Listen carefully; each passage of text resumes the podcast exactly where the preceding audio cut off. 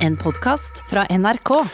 Det er, blitt, eh, det er blitt mer attraktivt for utenlandske filmfolk å komme til Norge og gjøre opptakene sine, innspillingene sine. Og det pga. insentivordningen. Den ble innført for fem år siden og gjør at eh, ja, folk med, fra utlandet da kan få igjen en god del eh, av de avgiftene de ville ellers lagt igjen i Norge. Men denne ordningen er også uforutsigbar og gjør at mange som kan tenke seg å filme i Norge, likevel ikke gjør det. They're coming after us with everything they've got. You ready? Turn left! Skuespiller Tom Cruise i spektakulære scener i filmserien Mission Impossible 7. What are you waiting for? I'm jumping out a window! Oh, sorry. Good luck. Filmen fikk mye oppmerksomhet da produksjonen ble lagt til Møre og Romsdal og til turistattraksjonen Preikestolen. For å gjøre Norge attraktiv for filmprodusenter gir insentivordningen refusjon til store internasjonale film- og serieproduksjoner som skal produseres i Norge. Denne ordningen den har siden starten fått eh, 60 søknader. Det er 60 prosjekter som har søkt, og av disse så er det under halvparten, altså 25, som har fått innvilget det som heter eh, refusjonsramme. Da. Ehm, Så det betyr jo at det er mange flere som hadde vært interessert i å legge innspillingen sin til Norge hvis rammene hadde vært større. Kjersti Moe er direktør ved Norsk Filminstitutt som administrerer ordningen. I evalueringen kommer det frem at den har gjort Norge mer attraktivt for utenlandske produksjonsselskaper, men at den også er vanskelig å forholde seg til. Evalueringen peker på at det er rom for å forsterke resultatene, altså at man kan tiltrekke enda flere produksjoner enn det vi kan gjøre med de, den eh, begrensningen som ligger i ordningen i dag. Og det går på to ting. Det ene er jo summen, altså budsjettstørrelsen, og det andre er at vi har en én søknadsfrist eh, i året. Og det er ikke alle prosjekter som klarer å tilpasse seg. Eh, Men at hvis man har en større ramme, så vil man kunne tiltrekke flere prosjekter. Ja, jeg synes det, det er en riktig konklusjon, også sånn som bransjen opplever det, at ordningen er altfor uforutsigbar. Eh, Og rett og slett ikke konkurransedyktig. Sier Sigmund Elias Holm, som er leder i Vestnorsk Filmkommisjon. Holm sier den norske insentivordningen slik den er i dag, er lite konkurransedyktig sammenlignet med andre land. Der kan vi ikke ha en sånn særnorsk eh, søknadsfrist og så liten eh, ramme, altså 70 millioner kroner som det har vært på denne ordningen. Eh, det må bli en automatisk ordning, sånn som de har i andre land.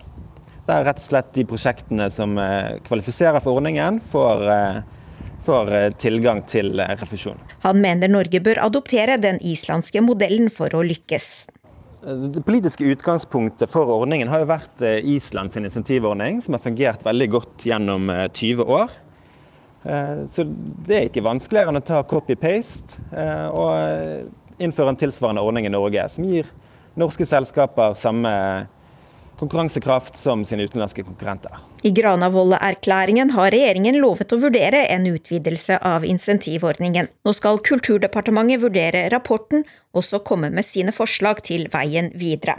Nå er vi klar for å ta imot de store produksjonene. Eh, Det er, det blir utrolig spennende å se videre hva vi kan få til med, med forhåpentligvis en, en enda mer konkurransedyktig ordning. Og kanskje tar Tom Cruise med seg andre store stjerner tilbake til Norge. Yeah, it's great to have you. Are you, are you planning? Hopefully, you will come back next year for your next movie as well. Yes. Yes, that's the plan. We're very excited. That's good. Det er bra, sa kulturminister Abid Raja. Det var han som på en måte intervjuet Tom Cruise i det lille utdraget her fra norgesbesøket til Tom. Men Neve Gildis var reporter. Nå skal vi til Lillestrøm, og hvorfor det? Fordi det gamle Akershus kunstsenter har nå flyttet inn i et flunkende nytt signalbygg og også fått et nytt navn, nemlig Nitja. Senter for samtidskunst. Etter en lang byggeprosess selvfølgelig, og koronastengning, så åpner det nye museet nå. Mona Palle Bjerke, kunst- og arkitekturkritiker her i NRK, god morgen. God morgen. Hvordan er eh, Lillestrøms nye storstue? Ja, Det er altså tegnet av et velrenommert arkitektkontor, Haugen Sohar. Og det er et veldig ekspressivt og eh, skulpturelt eh, bygg. Og det er formet da som en skinnende hvit kloss med da noen sånne gylne, konkave elementer. Eh, og Som uteskulptur på avstand så er bygningen eh, vakker, men det oppstår noen nesten sånne komiske kontraster da mellom denne mektige samtidsarkitekturen og den litt beskjedne trehusbebyggelsen rundt. Så det er litt som disse små trehusene liksom kryper inn i skyggen av den store mastodonten. Men det er selvsagt viktig at et kunstsenter ruver litt og viser at her skjer det noe spesielt. Men enda viktigere er det jo at man klarer å opprette en arkitektonisk dialog med bebyggelsen som allerede finnes der. og Det syns jeg ikke man helt har klart her. Ja, det, eh, bebyggelsen rundt er bygget i tre, ja. Eh, små trehus, ikke sant. Mm. Hva med dette? Ja, dette er jo da en, Kledningen består av hvite, bølgende metallplater. Eh, og Det er da et litt sånn kjølig, maskinelt preg, men når man kommer nærmere, så ser man at disse bølgene er utformet liksom individuelt, en, hver og en bølge. Så det er et sånt Man fører sammen noe industrielt og noe kunstnerisk da i eksteriøret her. Men selv om det har dette kunstneriske preget, så syns jeg likevel det får, litt, får et litt sånn bølgeblikkaktig preg, da, litt sånn billig materialfølelse. Eh, paradoksalt eh, nok. Og jeg liker heller ikke valget av den gylne kledningen som er i vindusnisjene. Der skulle det egentlig være kobber, men pga. budsjettnedskjæringer så har de gått over til gullallokserte plater. Og det er som den store arts and crafts-høvdingen William Morris sier. Aldri lag en billigere imitasjon av det dyreste materialet. Gå heller ett kostnadstrinn ned og ta det beste som du finner der. Men det var utsiden. Eh, det ja. er litt annerledes når du kommer inn i dette bygget, er det ikke det? Ja, da jeg, må jeg gi meg over i begeistring. Det er så helt utrolig hva arkitekten har fått ut av den relativt beskjedne plassen, eh, faktisk. Her er det jo da både verksted for barn, det er et bitte lite bibliotek som også er et visningssted for kunsthåndverk, det er kafé, det er butikk, trykket sammen på veldig, veldig flott utnyttet flott trapp opp til da møterom, auditorium, og som omkranser da selvfølgelig hovedsaken, den store store utstillingssalen, eh, som er da på 10 ganger 20 meter høyt under taket. Der her kan man vise alt som er av ulike typer utstilling. Så det er en veldig veldig velegnet visningssted for kunst, og det er jo det aller viktigste, selvfølgelig. Ja, og de som nå lytter til radio og ikke uh, ser bildene som vi viser på skjermen, de kan jo bare gå inn på nrk.no anmeldelser, og så ser de anmeldelsen mm. din uh, ligge der, og der er det altså masse fine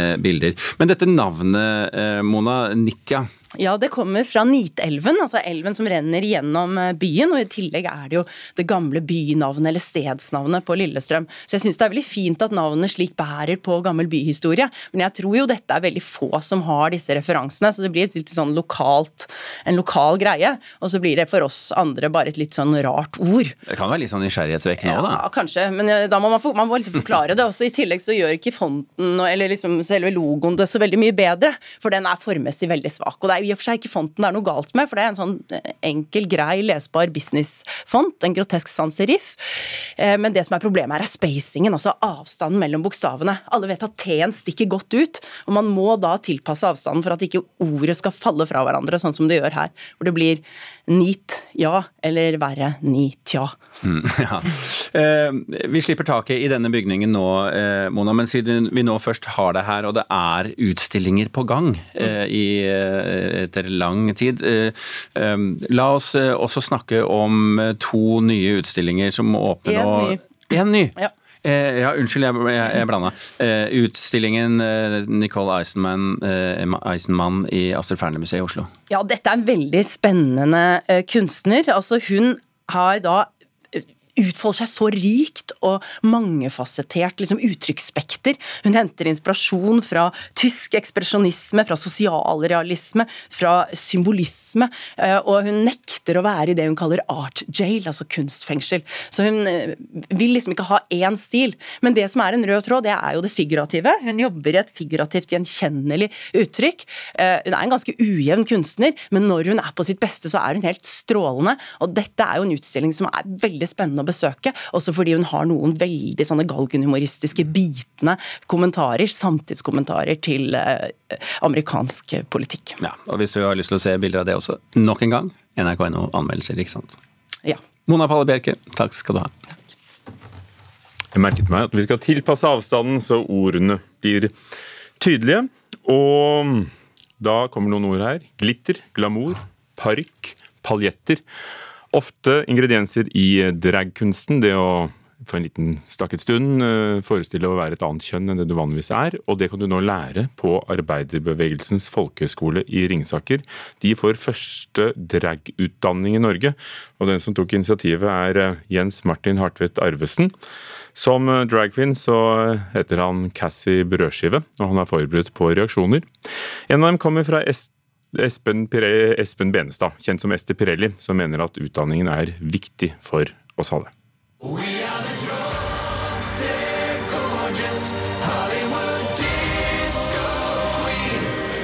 Nå kan ungdommer få realisert sin indre drag-dronning eller konge. For til høsten starter Norges første utdanning innen drag på Arbeiderbevegelsens folkehøgskole Ringsaker. Initiativtaker Jens Martin Hartvedt Arvesen lover et rikt og mangfoldig pensum.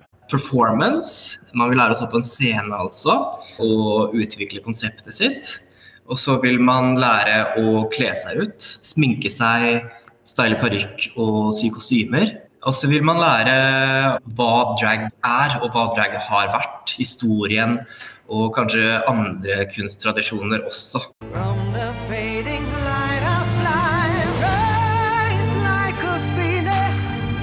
Drag som fenomen er tett knyttet til LHBT-miljøet. I 2014 vant dragartisten Conchita Wyrst Eurovision iført kjole og skjegg. De siste årene har den amerikanske realityserien RuPaul's Drag Race satt fenomenet på verdenskartet. Two queens stand before me. The time has come to lip sync for your life. Og selv om draglinjen vil skape glitter og glans, mener lege og sexolog Espen Ester Pirelli Benestad at den får en stor betydning også for samfunnet. Det er jo det å få en anerkjennelse også for dette som har vært litt sånn undergrunns. Så det er hurra for den folkehøyskolen. Nå blir det mer plass til Norge, nå blir det mer plass til fargene, og det vil gjøre Norge rikere. Initiativtaker Arvesen, som selv har drag-alter-egoet Cassie Brødskive, forventer å møte motstand fra folk som ikke deler kjærligheten for dragkultur. Jeg er ikke redd for å motta hets, men jeg er litt forberedt på det. Drag er et slags kunstmedium som kan fungere i mange ulike kontekster, så jeg syns ikke det er noe kontroversielt med det, egentlig. Men det vil nok være noen litt mer konservative miljøer som vil ha noen fordommer vil jeg kalle det.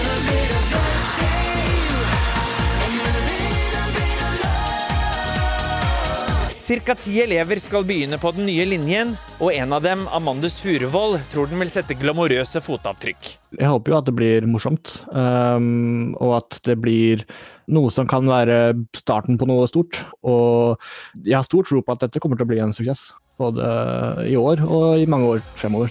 Og at elevene kan få føle seg.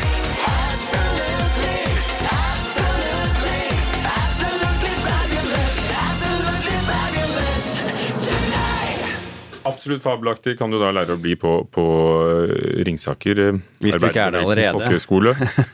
Det krever kanskje et utgangspunkt. Reporter Knut Øyvind Hagen. Du har hørt en podkast fra NRK. Hør flere podkaster og din NRK-kanal i appen NRK Radio.